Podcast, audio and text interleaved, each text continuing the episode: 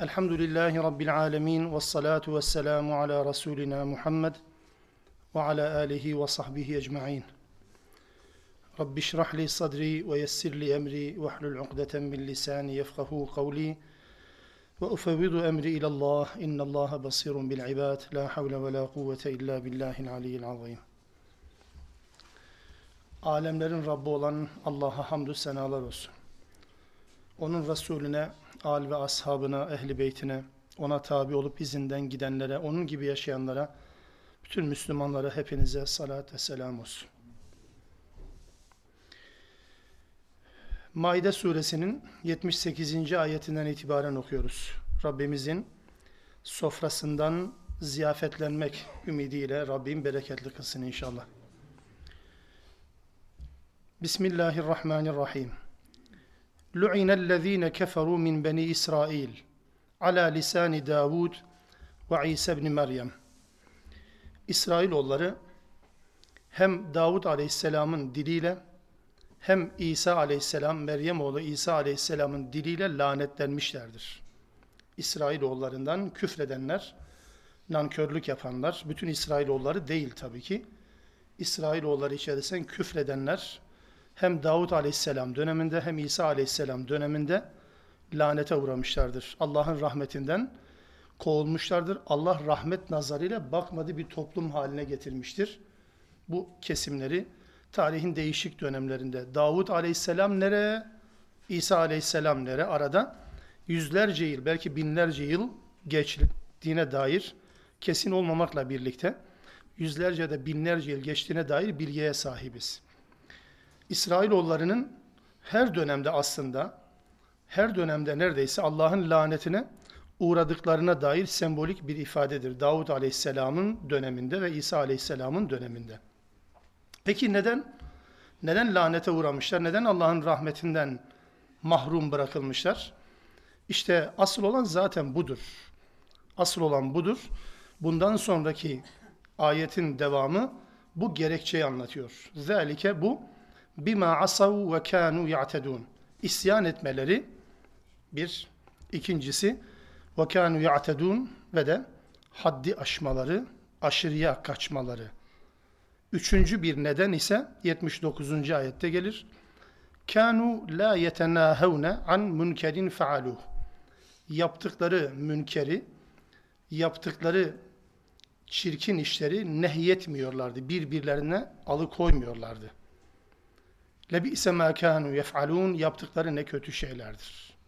Bu üç nedenden dolayı isyan etmeleri, aşırılığa gitmeleri, Allah'ın dediklerini demedi ya da Allah'ın demediklerini dedi şeklinde Allah'a söylemediği halde birçok şey yakıştırmaları nedeniyle aşırıya gitmeleri, isyan etmeleri ve de yaptıkları münkerin toplumda yaygınlaşmasına ön ayak olmaları yani bu münkeratı nehyetmemeleri, birbirlerinden bunu alıkoymamaları, birbirlerine göz yummaları, seyirci kalmaları bu toplumların lanetlenme nedeni olmuştur. Hazreti Davud döneminde özellikle cumartesi yasağına dair bir ihlalden bahsedilir. Tarih kaynakları genelde bu cumartesi yasağının Hazreti Davud döneminde ihlal edildiğinden bahsederler. Yani Araf suresinde geniş bir şekilde izah edilen, açıklanan bu konunun tarihsel süreç içerisinde geçtiği dönem, tekabül ettiği dönem Davut Aleyhisselam dönemidir. O dönemde Eyle, yani bugünkü işte Akdeniz'e belki kıyısı ya da işte kanala kıyısı olan tam tarihi bilgim o kadar net değil ama yani denize kıyısı olan, sahilde olan ve geçimi deniz ürünleriyle sağlanan bir toplum.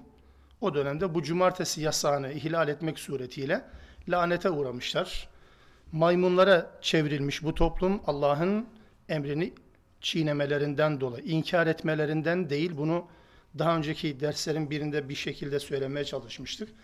Cumartesi yasağını ben tanımıyorum diyerek değil, böyle bir yasak kabul etmiyorum, böyle bir haramı kabul etmiyorum diyerek değil de tam tersine yani eyvallah güzel Allah böyle demek istemedi, şöyle demek istedi diyerek yorumlayarak yani ayetin hükmün Allah tarafından konulduğu şeklinden ziyade kendi kafalarına uyarladıkları şekliyle amel etmeye çalışıyor. Kendilerince ihlal edilen bir yasak yok.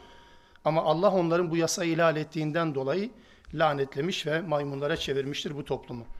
İsa aleyhisselam dönemindeki lanete uğrama şekillerine bakarsanız, bu surenin son ayetlerinde gündeme gelecek olan maide yani sofra indirme olayından bahsedilebilir. Bazı kaynaklarda bununla bağlantı kurulur. Yani İsa aleyhisselam döneminde neden lanetlenmişlerdir? İsa aleyhisselamın diliyle neden lanetlenmişlerdir? Sofra istemişlerdi. Allah'ın indirdiği bu kadar sofraya rağmen ekstra bir sofradan bahsedilir. İlla da insin, kalplerimiz mutmain olsun. Bununla şenlenelim, bayram yapalım diyerek, düşünerek bunu söylemişler. Allah da bakın ben sofra indirme indiririm. Şimdiye kadar indirdiğim sofralar sanki benim verdiğim nimetler değil mi dercesine indiririm ama bunun gereğini yerine getirmezseniz, sorumluluklarınızın farkında olmazsanız dünyada hiç kimseye yapmadığım bir azabı size yaparım diyerek tehdit etmiştir. O dönemde bazı rivayetler böyle bir sofra isteğinde ısrarcı olmuşlar. Daha sonra hakkını verememişler ve lanetlenmişler. Hazreti İsa döneminde böyle bir bilgiden bahsedilebilir. Bütün bunların bir tarafa, bunlarla birlikte daha doğrusu, İsrailoğulları tarihin hemen hemen her döneminde, özellikle Rabbimiz Musa Aleyhisselam'la birlikteliklerinden daha çok bahseder. Nispeten biraz da İsa Aleyhisselam'la birlikteliklerinden. Neredeyse her dönemlerinde peygamberlere iman ettiğini söyleyen, kendilerine gönderilen kitabı, vahyi kabul ettiğini söyleyen ama vahyi kendisine uyduran, Allah'ı kendisine uydurmaya çalışan, Allah'a isyan etmeme adında böyle koymak suretiyle etmemelerine rağmen kendilerince Allah'ın ayetlerini, Allah'ın hükümlerini kafalarına göre yorumlayarak hayat sürdüren ve peygamberleri kendilerinin adeta hizmetkarı haline dönüştüren bir toplumdur. Gerek İsra suresinde, gerekse Araf suresinde Rabbimizin bu topluma kıyamete kadar uygun gördüğü azap modellerinden de bahsedilir. Siz yeryüzüne hep fesat çıkaracaksınız. Hep sizin başınıza size musallat olacak bir takım zalim despotlar göndereceğiz. Sizin hakkınızdan onlar gelecektir. Kıyamete kadar süreç böyle devam edecek. Bu bu toplumun aymazlığından, bu toplumun akıllarını başlarına almadığından kaynaklanan bir süreçtir. İşte bunun yani İsrailoğullarının özellikle lanete uğramaları Davut Aleyhisselam döneminde ve İsa Aleyhisselam döneminde sadece bahsettiğimiz olaylarla alakalı değil. Bunlar belki numunelik, belki Kur'an'ın bize takdim ettiği örnek olaylar. Haddi zatında her dönemde peygamberlerin getirdiği mesajı doğru okumak yerine kendilerince, kendilerine göre okuma anlayışı onlarda gelişmiş ve bundan dolayı her peygamber tarafından onların küfredenleri böyle lanete uğramışlardır. Sadece şu bu olayla alakalı değil. Sadece bu değil tabii ki. Sadece cumartesi yasağı, sadece sofra indirme hadisesi değil bütün dönemlerde peygamberlere çektirdikleri eziyetlerden dolayı, vahye arkalarını döndüklerinden dolayı hep lanete uğramışlardır. Bu vahyi doğru algılamama anlayışından kaynaklanıyor. Bu ayetlerin, onların lanetlenmesinden söz eden bu ayetlerin Rabbimizin kitabında son mesajında biz muhataplara bildirilmesinin ne gibi esprisi var, ne anlamı var ki diye elbette kafa yormamız lazım. Çünkü onlar lanetlendiler. Bir varmış bir yokmuş öyle değil. Üç neden saydı. Bima asav ve kanu ya'tedun bir de la yetenâhevne an munkerin fealuh dedi. İsyan etmeleri, haddi aşmaları, dini kendilerine göre yorumlayarak bulunması gereken yerde değil de kendilerine göre uzatılması gereken yere kadar sündürmeleri, uzatmaları nedeniyle ve de işlenen münkerata ses çıkarmamalar. Bu lanetlenme nedeni budur. Allah bunu bize aktarıyor. Yani Kur'an'ın muhataplarına bunu anlatıyor. Bunu okuduğumuz zaman biz ne anlayacağız peki? Yani aynı kural devam eder mi? Allah'ın rahmetinden mahrum olmanın, Allah'ın rahmetinden yoksun kalmanın, acaba nedeni olan bu özellikler bizde de gerçekleşse, bizde de ortaya çıksa aynı şey söz konusu olur mu? E Allah tabi bir varmış bir yokmuştan bahsetmediğine göre aynen öyledir. Nitekim aleyhissalatu vesselam bu ayetleri bir vesileyle okur. Aleyhissalatu vesselamın Kur'an'ın ayetleriyle alakalı yorumları çok fazla değildir. Çok fazla yoruma girmemiştir aleyhissalatu vesselam. Ayetleri kullanma noktasında peygamberin durumu sınırlı biraz. Yani Bu şu demektir. Peygamberin getirdiği bir yorum artık onu sınırlamak anlamına neredeyse gelecek. Onun ötesine geç, geçemezsiniz. Yani bu böyle değil, böyledir anlamına üzerine bir ilave koyamazsın. Ancak söylediği örnek üzerinden devam ettirebilirsin. O açıdan Aleyhissalatü Vesselam'ın ayetleri sınırlayıcı anlamdaki çok fazla yorumu yoktur. Kimi ayetleri yorumlamıştır ve Aleyhissalatü Vesselam orada bir bakış açısı kazandırır Müslümana, Kur'an'ın muhatabına. Onlardan birisi de burasıdır. Der ki Aleyhissalatü Vesselam, İsrailoğullarında noksanlığın, dinle alakalı eksikliğin, nakısanın ve arızanın ilk ortaya çıkış şekli şöyle olmuştur. Aleyhissalatü vesselam bunu söyler. Hem Tirmizi'de hem Ebu Davud'da hem İbn-i Mace'de geçen bir hadis bu. İlk bozulma şöyle ortaya çıktı diyor.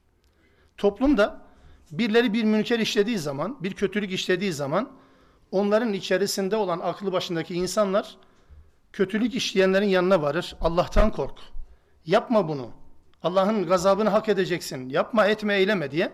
Allah'tan kork diye tavsiyede bulunur ve onu uyarırdı.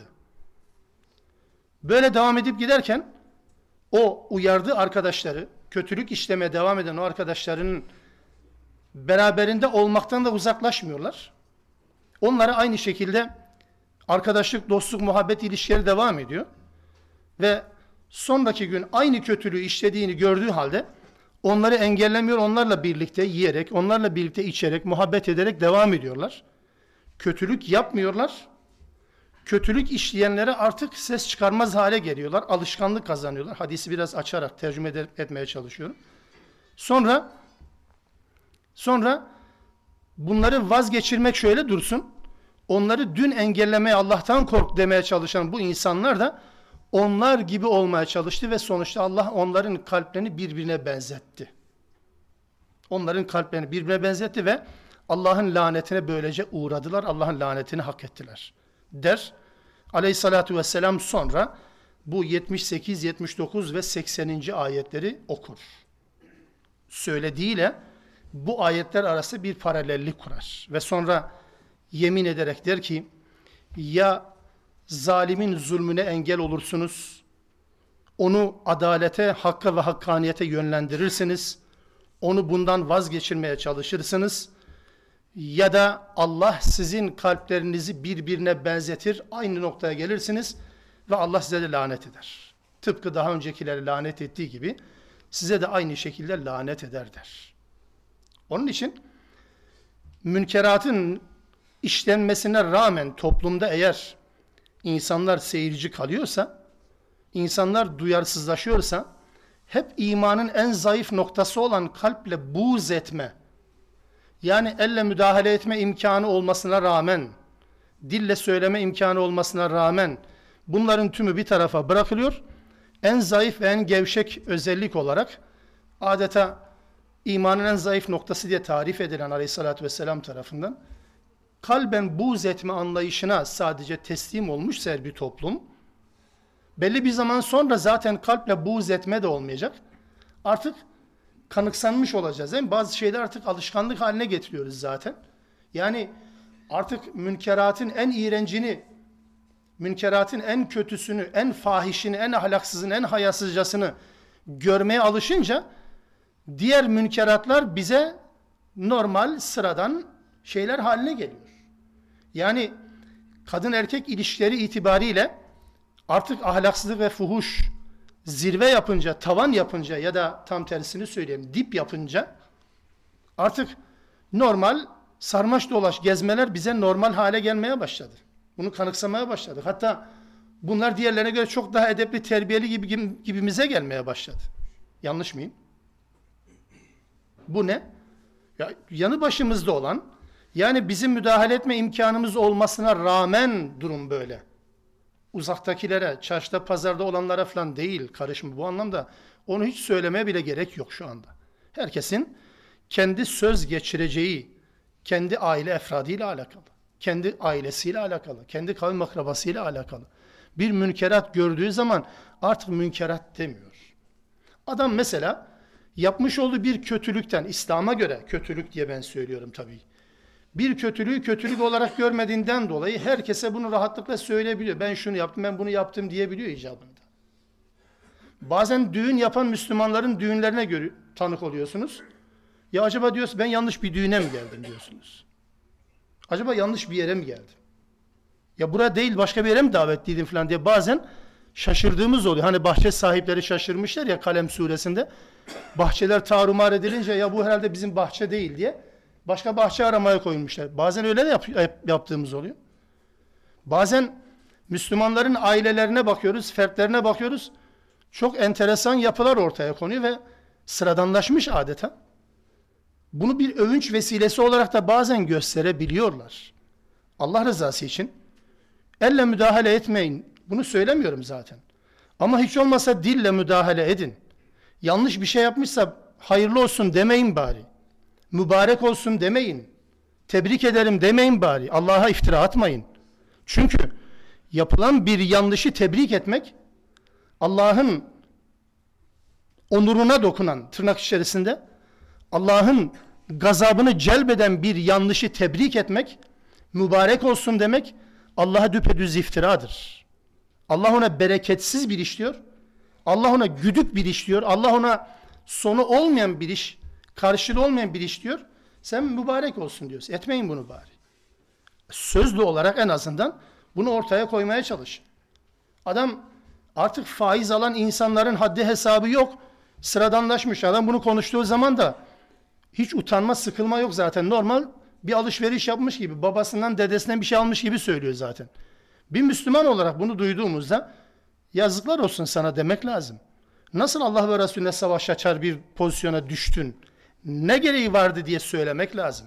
O maşallah iyi mübarek olsun falan demek yerine bunu söylemek lazım. Münkeratın nehyedilmemesi toplumun da helakine zemin hazırlar ve hız kazandırır. Bunu bilelim. Herkes kendisine düşen bu anlamda görevi yapsın. Herkes kendisine düşen sorumluluğu üstlensin değerli Müslümanlar. Onun için uzaklarda bu işi aramaya gerek yok. Yanı başımızda. Herkes kendi dostuyla, herkes kendi muhabbet ettiği arkadaşıyla, herkes kendi kavim akrabasıyla, aile fertleriyle bu anlamda birinci derece sorumlu olarak ilgilenmek zorundadır. Bunu lütfen biraz daha gözden geçirelim. Allah'ın rahmetinin bize tecelli etmesine engel olan bir yapı oluşturmamaya çalışalım. Değilse Allah'ın rahmeti gelmez. Lanetlenme budur zaten. Basit bir olay değildir. Allah'ın lanetlemesi, Allah'ın rahmetinin gelmemesi çok basit bir şey değil ya. Bu neye benzer biliyor musunuz? Tanıdığınız, yıllarca beraber muhabbet ettiğiniz bir arkadaşınızın, bir dostunuzun yanınızdan geçerken sizi gördüğü halde, birbirinizi gördüğünüz halde selam vermemesi, konuşmaması, iltifat etmemesi, hal hatırı sormaması, sanki hiç görmemiş, yabancı birisiymiş gibi muamele etmesi ne anlama gelir? Çekilir mi bu sıkıntı? Alemlerin Rabbi tarafından tanınmamak, alemlerin Rabbi tarafından buz edilmek, yadırganmak, çizilmek daha doğrusu bundan çok daha beter bir şeydir. Allah'ın rahmetinden mahrum olman nedeni budur. Hatta aleyhissalatü vesselam şunu söyler. Yine Ahmet bin Hanbel'de geçen bir hadisle. Şüphesiz Allah fertlerin ameli nedeniyle fertlerin işledikleri kötü ameller nedeniyle toplumları cezalandırmaz. Allah'ın böyle bir yasası yok yani. Fertlerin yaptığı kötülükler nedeniyle toplumları cezalandırmaz. Ancak toplum kötülüğü görüp de onu reddetmeye güçleri yettiği halde birikimleri var bunu kullanmadıkları halde, imkanları var bunu kullanmadıkları halde bunu yapmazlarsa, o münkeratı nehyetmezlerse o zaman fertlerin amellerinden dolayı fertlerin amellerinden dolayı toplumu cezalandırır. Enfal suresinin 25. ayetini okuyun. وَاتَّقُوا fitneten la tusibennellezine zalemu minkum khassa. Ve alemu ennallaha şedidül ikab. Bilin ki bilin ki Allah'ın azabı çetindir diye bir ayet-i kerime. Der ki Rabbimiz öyle bir fitneden, öyle bir beladan, öyle bir musibetten sakının ki bu felaket, bu musibet, bu fitne, bu bozgun içinizden sadece zulmedenlere gelmez. İçinizden sadece zulmedenlere has gelmez bu fitne. Ya herkese. Herkesi kapsar. Neden? Diğerleri de buna seyirci olduklarından dolayı. Yapmazlarsa dahi. Yapmazlarsa dahi buna seyirci olduklarından dolayı evet toplum tümü bu belaya maruz kalır. Hud suresinin 117. ayeti sonlarına doğru şöyle Rabbimiz ifade eder. وَمَا كَانَ رَبُّكَ مُهْلِكَ الْقُرَى بِظُلْمٍ وَأَهْلُهَا مُصْلِحُونَ Allah da bir yasa ortaya koy.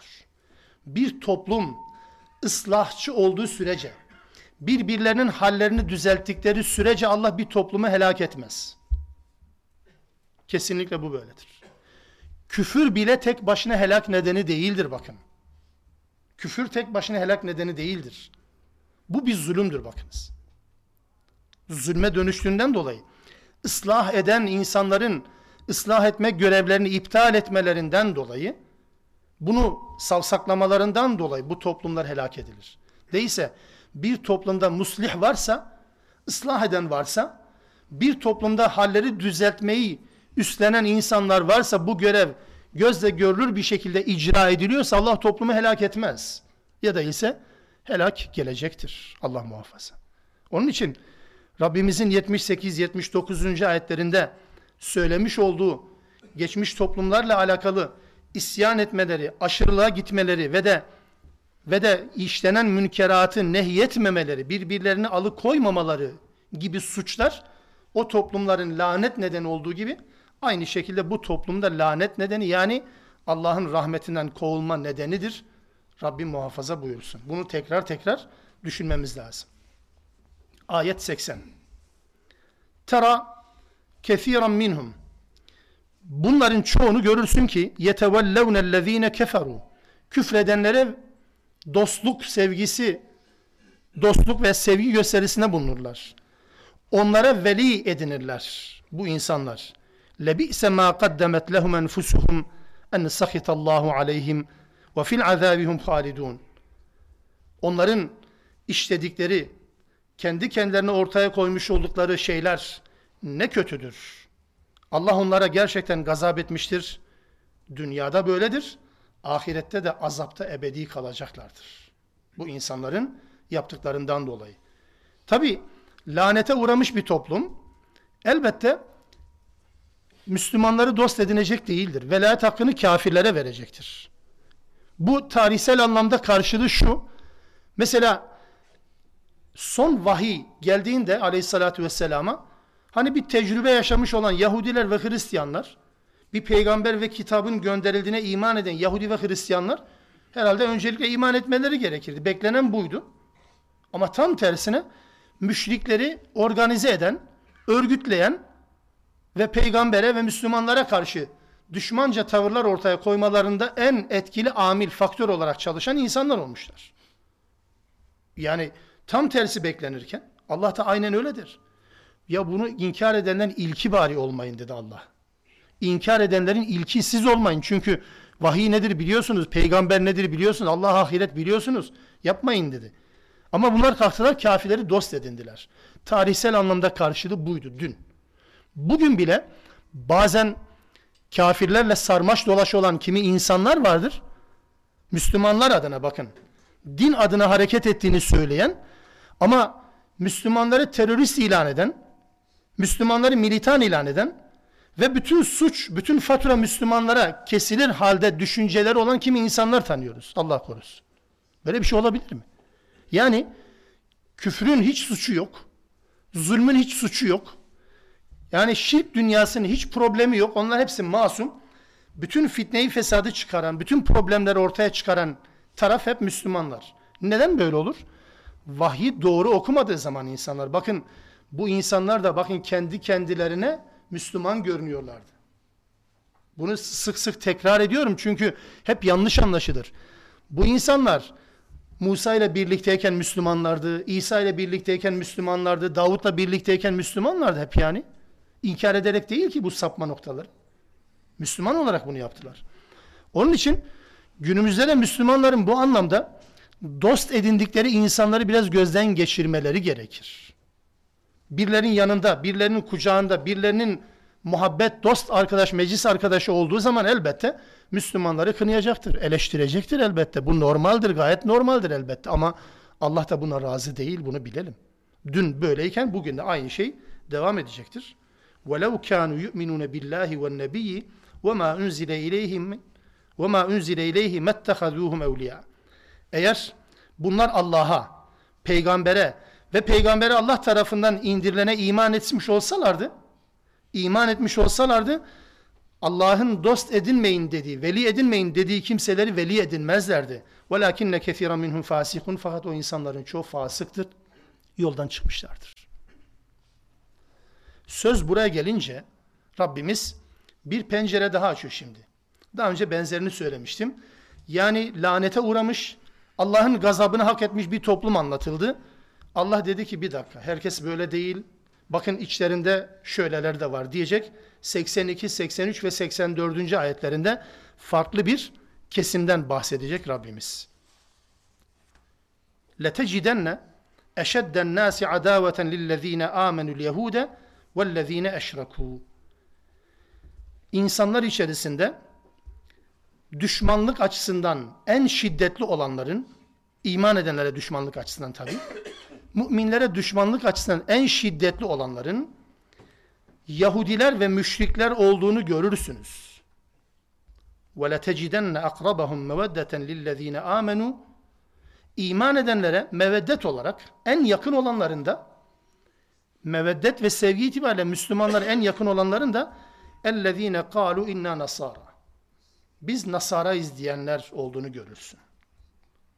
Allah bir bakış açısı önümüze koydu bakın. 82. ayet.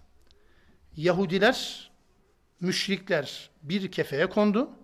Hristiyanlar ayrı bir kefeye kondu. Ayet bitseydi o zaman bu ayet şöyle anlaşılırdı. Demek ki Allah inanç gruplarını, farklı inançlara mensup olan kimi kesimleri tasnif ederken böyle gruplamak lazım. Şu müşriktir ayrı bir tavır, bu Yahudidir ayrı bir tavır, bu Hristiyan ayrı bir tavır. Der geçerdik ama öyle değil. Neden Hristiyanlara böyle bir farklı ayrıcalık söylendi? Yahudiler ve müşrikler düşmanlık konusunda en çetin, en düşmanca, en hasmane tavırları olan kesim olarak takdim edilirken Hristiyanlar neden en yakın olarak anlatıldı? Çünkü bakın ayetin gerekçesi şu. ذَٰلِكَ بِأَنَّ مِنْهُمْ قِسِّس۪ينَ وَرُهْبَانِ Çünkü onların aralarında keşişler var. Merhametli, insaf sahibi keşişler var. Rahipler var. وَاَنَّهُمْ لَا يَسْتَكْبِرُونَ Ve onlar müstekbirlik de yapmazı, kibirlenmezler de. Kibirlenmeyen insanlar var aralarında kibirlenmeyen insanlar olduğundan dolayı, insaflı din adamları, rahipler ve keşişler olduğundan dolayı, Hristiyanlar arasında bunlar daha fazla olduğundan dolayı, bunlar müminlere daha yakındırlar. Ve öyle yakınlı ki, bu Hristiyanların içerisinden tam bir Müslüman tavrı, tam bir Müslümandan beklenen tavrın aynısının tıpkısını Rabbimiz, bakın 83 ve 84. ayetlerde anlatır. Bu rahipler, bu keşişler, bu din adamları Hristiyanlardan ne yapıyorlar bakın biliyor musunuz? İzâ semi'u mâ unzile iler rasûli Rasule indirileni duydukları zaman peygambere indirilen vahiy işittikleri zaman tara a'yunahum tefidu mined dem' mimma arafu minel hak. Hak olarak tanıdıkları, hak adına bildikleri şeylerden dolayı, hakkı ve hakikati tanımalarından dolayı peygambere indirileni duydukları zaman gözlerinden yaşlar boşalır. Bir Müslüman tavır. Müslümanlardan bahsetmiyor, Hristiyan adamlardan bahsediyor. Ve yakulun ve şöyle derler. Rabbena amennâ fektubna ma'aş şahidin. Ey Rabbimiz iman ettik ve bizi şahitlerle birlikte yaz. وَمَا لَنَا لَا نُؤْمِنُ بِاللّٰهِ وَمَا جَاءَنَا مِنَ الْحَقِّ bize yakışmaz. Allah'a iman etmemek ve hak ve hakikat adına bize gelene iman etmemek bize yakışmaz. Ya da şöyle diyelim, biz nasıl olur da Allah'a iman etmeyiz ve nasıl olur da bize gelen hakkı ve hakikati inkar ederiz.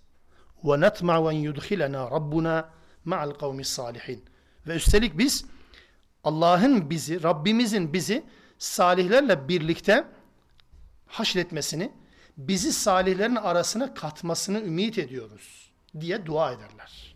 Hristiyan din adamları. Var mıydı? Tarihe bir pencere açtığınız zaman evet aynısı vardı değil mi? Yani Hristiyan olduğu halde, Hristiyan alimi, din adamı, rahip olduğu halde, keşiş olduğu halde bu özelliklerin aynısı var. Mesela bu ayetlerle alakalı olarak çok farklı rivayetler anlatılır aleyhissalatü vesselam döneminde. Mesela birisi Habeşistan'a hicret eden Müslümanlar Mekke'nin o sıkıntılı ve işkenceli günlerinde Habeşistan'a daha özgür bir ortam vardır diye hicret eden Müslümanlar oradaki yönetim Hristiyan olmasına rağmen rahat bir hayat yaşadılar. Müşrikler onları alıkoymak, getirmek için fitne fesat planlarını, komplolarını devreye koydular. Necaşi yanında din adamlarını topladı ve Mekke'den kendisine misafir olarak sığınan Müslümanları dinlemeye karar verdi. Rahipler sağlarında ve sollarında. Her seferinde farklı bir şey iddia ederek Müslümanlar oradan koparmaya çalıştılarsa da Necaşi Müslümanların temsilcisine Cafer bin Ebi Talib'e dedi ki yanınızda Meryem'le alakalı bir bilgi var mı? Dedi ki Meryem'le alakalı bilgi var bir de onun adına bir de sure var. Okudu. Ayetler okudu. Pasajlar, bölümler okudu ayetlerden. Okudukça okudukça Necaşi'nin gözleri doldu. Okudukça yanında bulunan kimi rahiplerin ve keşişlerin gözleri doldu. Ve sonra kalktı dedi ki bir çöp kaldırdı. Sizin inancınıza göre İsa ile bizim inancımıza göre İsa Meryem arasında aç çöp kadar fark yoktur dedi. Sonra farklı şeyler yaşandı. Hatta Hazreti Peygamber'in Necaşi üzerine gıyabi cenaze namazı kıldığından rivayetlerde bahseder vesaire. Yani bu Hristiyanken vahyi duyduğu zaman, Allah'ın son çağrısını duyduğu zaman icabet eden insanlar. Yine aynı şekilde mesela Peygamber aleyhissalatü vesselamın davetini daha yakından öğrenmek amacıyla bir ekip gönderir, heyet gönderir. Din adamlarından oluşan bir heyet gönderir Mekke. Aleyhissalatü vesselamın huzuruna gelir ve ondan dinlerler vahyi. Orada da aynı manzara. Gözlerinden yaşlar boşalarak dinlerler. Necran Hristiyanları, Arabistan Yarımadası'nda bulunan çeşitli Hristiyan kabileler, Aleyhissalatü Vesselam'dan bu dini öğrenmek amacıyla geldikleri zaman heyetleri halinde, hepsi değil tabi, kimi insaf sahibi olan din adamları, aynen bu 83 ve 84. ayette özellikleri anlatılan bu tabloyu aynen yaşadılar. Gözleri yaşlarla doldu. Rablerine dua ettiler. İman etmeme imkanı var mı? İman etmek zorundayız dediler ve iman ettiler.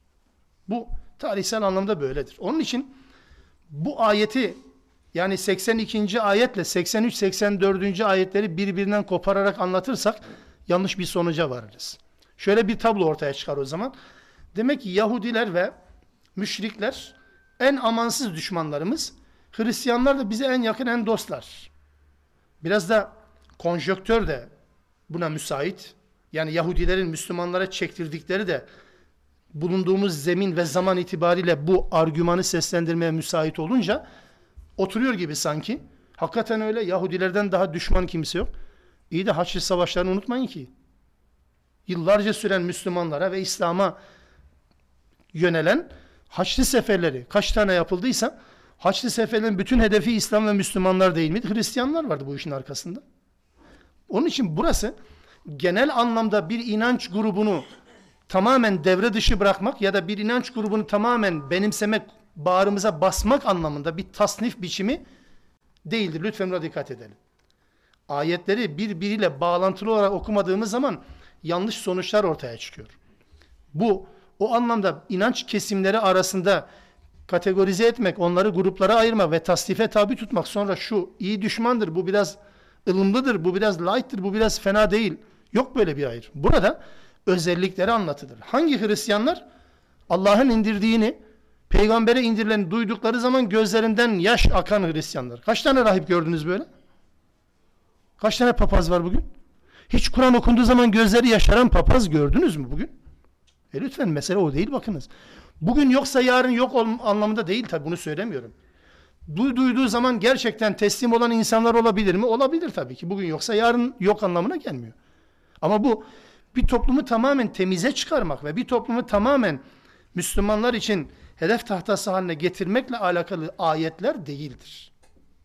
Onun için bu ayetin amacı bazı inanç gruplarının bir tasnife, bir gruplamaya tabi tutulup buna göre dost veya düşman ilan edilmesi değildir. Hatta her zaman böyle de olmaz zaten. Her zaman böyle olmaz. Bazen böyle olur, bazen tersi olabilir. Ama genel anlamda şunu kabul etmek durumundayız değerli Müslümanlar. Hristiyanlar yapı itibariyle biraz daha yani Yahudilik genelde ırk dini, biraz daha ırkçılık dini ön planda çıktığından dolayı Hristiyanlardan biraz farklı bu anlamda. Yine söylüyorum Haçlı seferleri Müslümanların Hristiyanlardan gördüğü zulümler vesaire baskılar onları hiçbir zaman hiçbir zaman devre dışı bırakmıyoruz. Bunların tümü tarih sayfalarında mevcuttur. Hepsini tek tek yad etmeye gerek yok. Birine karşı husumet beslemek anlamında da bunu söylemiyorum ama bir gerçekçi olmak durumundayız. Şimdi Hristiyanlarla alakalı bu yapının özel bir anlamı var. O da şu. Mesela Hadid suresinde Rabbimiz İsa aleyhisselama tabi olanlardan bahsederken İsa aleyhisselama tabi olanlardan bahsederken şöyle bir ifade kullanır. وَجَعَلْنَا fi kulubillezine ettebe'uhu ra'feten ve rahmeten. Ona tabi olanların kalplerine hadit 27 hadit 27. ayette biz İsa'ya tabi olanların kalplerine ra'fet yani şefkat ve merhamet yerleştirdik. Yani yapıları itibariyle Hristiyanların böyle bir özelliği var. Bu biraz da İncil tarafından oluşturulan bir ahlaki yapıdır. Hani sağına vurunca solunu göster mantığının da yansımasıdır aslında. Rahmetin ve merhametin, şefkatin biraz dorukta olduğu, bu herkes için değil, genel anlamda bir yapıdan bahsediliyor. Değilse bir toplumun içerisinde iyiler ve kötüler zaten olacak, ayrı bir şeydir. Onun için bu Hristiyanlığın ya da Hristiyanların Allah tarafından da takdir edilen ve tescil edilen, benimsenen ve kabul edilen bir yapısıdır. Kalplerinde şefkat ve merhamet biraz daha fazla. Hatta şöyle bir şey de söyleyeyim. Genelde dünyada Müslüman olanların istatistikleri tutulurken bakılıyor. Şöyle bir yapı da ortaya çıkar. İşin doğrusu bu da bu anlamda desteklesin anlamda söylemiyorum da. Ama bu açıdan da bakılabilir mesele. Yahudiyken Müslüman olanların sayısıyla Hristiyanken Müslüman olanların sayısı karşılaştırıldığı zaman arada müthiş bir uçurum vardır. Belki diyebilirsiniz sayılarının çokluğundan dolayı azlığından dolayı değil sadece. Orana vurduğun zaman da bu böyledir. Yani yapı itibariyle biraz daha meveddet itibariyle yakın yani saplantısı olan, ön yargıları olan Hristiyanlar haricinde bu anlamda daha yakın. Belki de hani teslis inancının kendilerince yorulmanma biçimleri vesairelerle birlikte biraz tevhide yani bir içinde üç üç içinde bir biçimde bir tanrı anlayışı da Müslümanlara onları yaklaştıran bir anlayış diye değerlendirilebilir o açıdan. Yani her halükarda bura bir tasnif yeri değildir. Müslümanların kendileri dışındaki inanç gruplarına yönelik bir tasnif amacı taşımıyor bu ayet-i kerime. Sadece bir gerçeği ortaya koyuyor. İçlerinde böyle insanlar da var. İsrailoğulları lanete uğramış dediysek hepsi Allah'ın gazabına uğramış anlamına gelmiyor. İçlerinde böyleler de var. Kur'an-ı Kerim'de zaman zaman Hristiyan ve Yahudilerle alakalı ağır eleştirilerin geçtiği yerlerde, bağlamlarda böyle bir ifade hemen araya gelir ve Müslümanlar şunu anlarlar. Ha demek ki hepsini toptancı olarak silmek gerekmiyor anlamı çıkabilir. Böyle insanlar aynen Müslümanın Kur'an dinlediği zaman duygulandığı gibi bunlar da Kur'an dinledikleri zaman duygulanmışlar ve bir Müslümanın yapacağı dua neyse aynısını bunlar da yapmışlardır.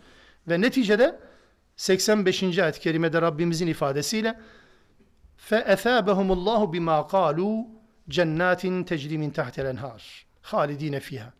Onların söylediklerinden dolayı, bu inançlarından, bu benimsediği hayat şekillerinden dolayı, bu keşişlerin ya da rahiplerin, din adamlarının, bundan dolayı Allah onlara zemininden ırmakların aktığı cennetler verdi. Onların yaptıklarına karşılık sevap olarak ve de orada ebedi kalacaklar. Ve zâlike cezaül muhsinin işte muhsinlerin mükafatı budur. Bunlar muhsin mi?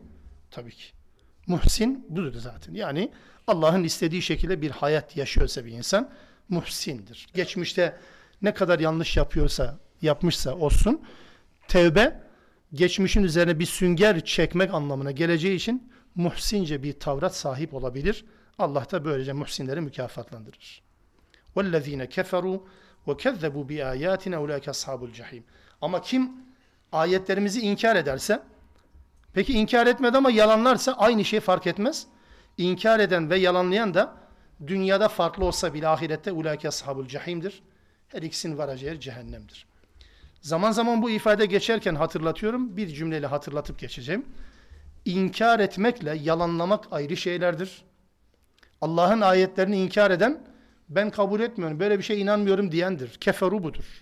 Ama kezzebu kabulündür. Çok güzel bir kitaptır. Peygamber de mükemmeldir. Başımın gözümün üstünde yeri vardır. E yani hayatı hiç ona benzemiyor. İşte bu kezzebudur. Yalanlamak budur. İnkar etmese bile bu yalanlamaktır. Dünyada kezzebu yapana kafir diyemezsiniz. Ama cehennem her ikisi için aynı yerdir. Ortak noktadır, mekan aynıdır. Sadece biz kullanılan dil itibariyle birbirimize Müslüman muamelesi yaparız. Fakat Müslümanların birbirleriyle Müslüman muamelesi yapması Allah'ın da onları Müslüman görmesi anlamına gelmeyecektir. Ayet 87 Ya eyyühellezine amenu Ey iman ettiğini söyleyenler La tuharrimu tayyibati ma hallallahu lekum Allah'ın size helal kılmış olduğu şeyleri, temiz şeyleri haram kılmayın. Ve la ta'tedu haddi aşmayın. İnna Allah la yuhibbul mu'tedin. Allah haddi aşanları sevmez. Ve kulu mimma razakakumullahu halalan tayyiba. Allah'ın size rızık olarak verdiklerini helal ve temiz olarak yiyiniz. Vettekullahellezî entum bihi mu'minun. Kendisine iman ettiğiniz Allah'a karşı da takvalı olunuz. Bu okuduğumuz bölüm haddi aşmayla alakalı, dinde aşırılıkla alakalı bir bölümdü başlı başına. Okuduğumuz ayetlerden bu tarafa hep böyle. Daha önceki dersin son ayetlerinde aynı şeyi söylemişti Rabbimiz 77. ayet-i kerimede. De ki ey ehli kitap, ey kitap ehli olanlar dininizde haksız bir şekilde aşırılığa kaçmayın demişti. Daha sonra bu insanların lanetlenme nedeni de aşırı gitmeleriydi, haddi aşmalarıydı. Arkasından mutedil Hristiyanlardan bir örnek verildi. Sonra geldi ey iman edenler dedi siz de haddi aşmayın. Allah'ın size helal kıldığı bir şey kendi kendinize haram kılmayın. Allah'ın size helal kılmış olduğu bir şeyi kendi kendinize haram kılmayın. Allah'ın size rızık olarak verdiklerinden de helal ve temiz olarak yiyiniz. Özellikle yeme kelimesi gündeme getirildi burada. İnsanın vazgeçilmez ihtiyaçlarından ve dünya nimetlerinden istifade etmenin en belirgin örneği olduğu için yeme konusu gündeme getirildi. Değilse sadece yeme meselesi değildir. Helal ve haram sadece yemeyle alakalı değil ki. Ama en belirgin vasıf bu. Yani bir insan hani bazı şeyleri yapmasa olur ama yemeden içmeden bu iş olmaz. Hayat olmaz yani. Hayatın vazgeçilmezi olunca yeme ve içme konusuna işe odakladı yoksa onunla sınırlı anlamında değil bu. Bakın bu çağrı Ey iman edenler, ey iman ettiğini söyleyenler diye başlayan bu çağrı hem 82. ayet-i kerimede kendini ibadete veren Hristiyan din adamlarından söz edildiği için yanlış anlaşılmasın diye bunu söyledi. Hem de 77. ayetteki dindeki aşırıla bir atıftır. İki şekilde yani.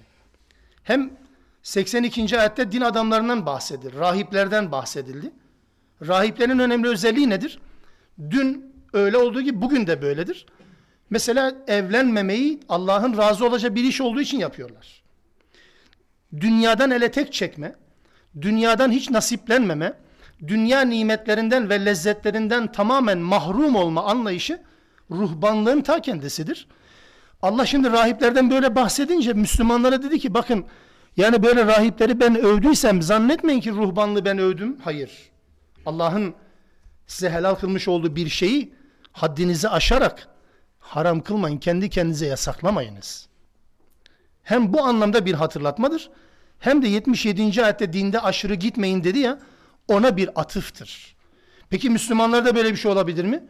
Hazreti Peygamber döneminden bugüne kadar din konusundaki bu aşırılık, yani Allah'ın söylediklerini söylemediği şeklinde değil bu.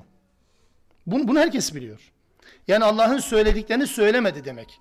Allah'ın helal ve haram sınırlarını tanımamak. Bunu değil. Bunu bahsetmiyorum. Buradaki bahsedilen aşırılık, aşırılık Allah bir şeyi yasaklamadığı halde Müslümanlardan birileri din adına yasakmış gibi değerlendiriyorlar. Bu aşırılıktır bakın.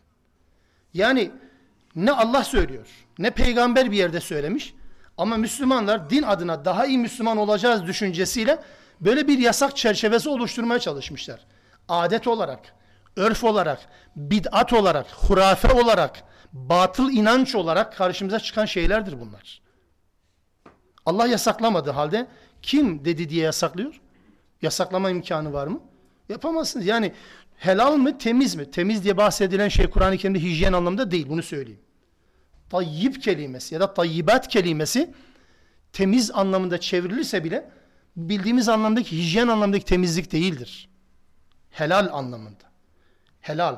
Allah'ın kurallarına uygun bir şekilde elde edilen kazanç demektir. Tayyip olan kazanç. Bu şekilde yiyin. Haram değilse bir konu hiçbir Müslümanın haddi ve yetkisi değil bu haram demek. Kural şu yani eşyada asıl olan mübah olmasıdır. Kural budur. Yani Allah ya da aleyhissalatü vesselam bir konuda bu haramdır demedikçe, açık bir hüküm olmadıkça hiç kimse bu haramdır diyemez.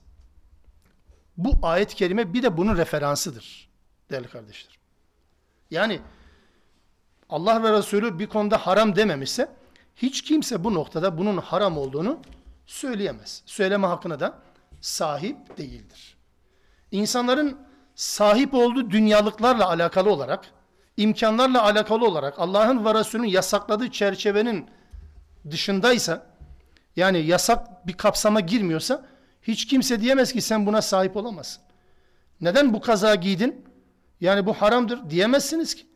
Ama bunu niyet olarak kibir niyetiyle giymenin yasak olduğunu evet biliyoruz. Öğrenmiş aleyhissalatü vesselam. Bunu anlarız. Ama hiç kimse kendi kendine Allah ve peygamber yetkisini kullanma yetkisini kendisine görmemesi lazım. Dolayısıyla burada helal bir takım şeyleri haram kılma anlayışı sadece bu dönem değil. Peygamber aleyhissalatü vesselam döneminde de kendini göstermiş. Müslümanlar aleyhissalatü vesselamın ibadet anlayışını öğreniyorlar. İşte şöyle ibadet eder, böyle ibadet eder diye.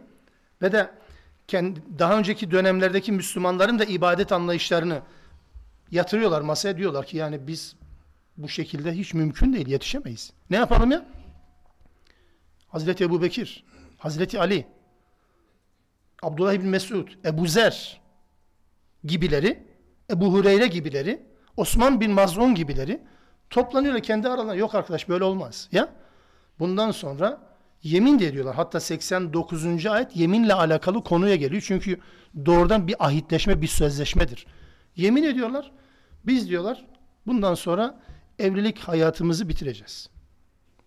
Hatta evlenmeyen kimi insanlara, evli olanlar da var mesela, hadımlaştırma diye bir girişimde bulunuyorlar. Kısırlaştırma, kadınlara ilgi duymayacak hale getirme bir operasyonda. Bunu düşünmüşler. Birisi diyor ben yemin ediyorum bundan sonra hiç geceler yatmayacağım. Hep namaz kılacağım, ibadet edeceğim. Öbürü ben hiç bir gün fire vermeden oruç tutacağım. Ahitleşmeler yaptı. Aleyhissalatü vesselam bu bilgi intikal ediyor. Çağırıyor bunların ifadesini alıyor. Diyor ki ne oluyor size ya? Ben senin hayırlınız değil miyim? Ben bazen oruç tutarım bazen tutmuyorum uzun zaman. Ben hanımlarımla birlikte de oluyorum. E ben bazen gece namaz gece kalkıyorum bazen de kalkmadım da oluyor. Size ne oluyor? Ve aleyhissalatü vesselam o gün bile din noktasını ortaya konan ve din adına bakın. Din adını ortaya koyan böyle bir aşırılığın önüne geçmiştir. Hiç kimse de bu anlamda Müslümanlara böyle bir din hayatı, böyle bir dini hayat empoze edemez. Böyle bir hakkı yoktur. Müslüman şunu soracak. Basit bir soru. Bu konuyla alakalı Allah'ın bir yasağı var mı? Yok. Bu konuda Peygamber aleyhissalatü vesselamın ortaya koyduğu bir yasak var mı? Yok. O zaman hiç kimsenin buna haram deme hakkı yoktur. Bitti. Bu ayet-i kerimenin bize anlattığı durum budur. Onun için ey iman ettiğini söyleyenler Allah'ın size haram helal kıldığı bir şeyi sakın ha haram kılmayın temiz olanları ve haddi aşmayın. Allah haddi aşanları sevmez. Allah'ın rızık olarak size verdiklerinden de helal ve temiz olarak hijyen anlamda değil helalinden ve temiz olarak yiyiniz. Ama bunu yaparken de vettakullah. Allah'a karşı takvalı olunuz. Öyle Allah ki entüm bihi mu'minun. Siz hani iman ediyordunuz ya. İman ettiğiniz Allah'a karşı takvalı olun. Allah'a karşı sakınma duygularınızı hiçbir zaman iptal etmeyin der Rabbimiz. 89. ayet-i kerime de yeminle alakalı Müslümanların tekrar dikkatini çeker. Bu sure zaman zaman çeşitli periyotlarda, çeşitli aralıklarla sözleşmelerimize atıfta bulunur. Sözün her zaman yerine getirilmesinden bahseder. Geldi yine 89. ayet. Yemin konusunu gündeme getirecek Rabbimiz. Yemin de bir sözleşmedir.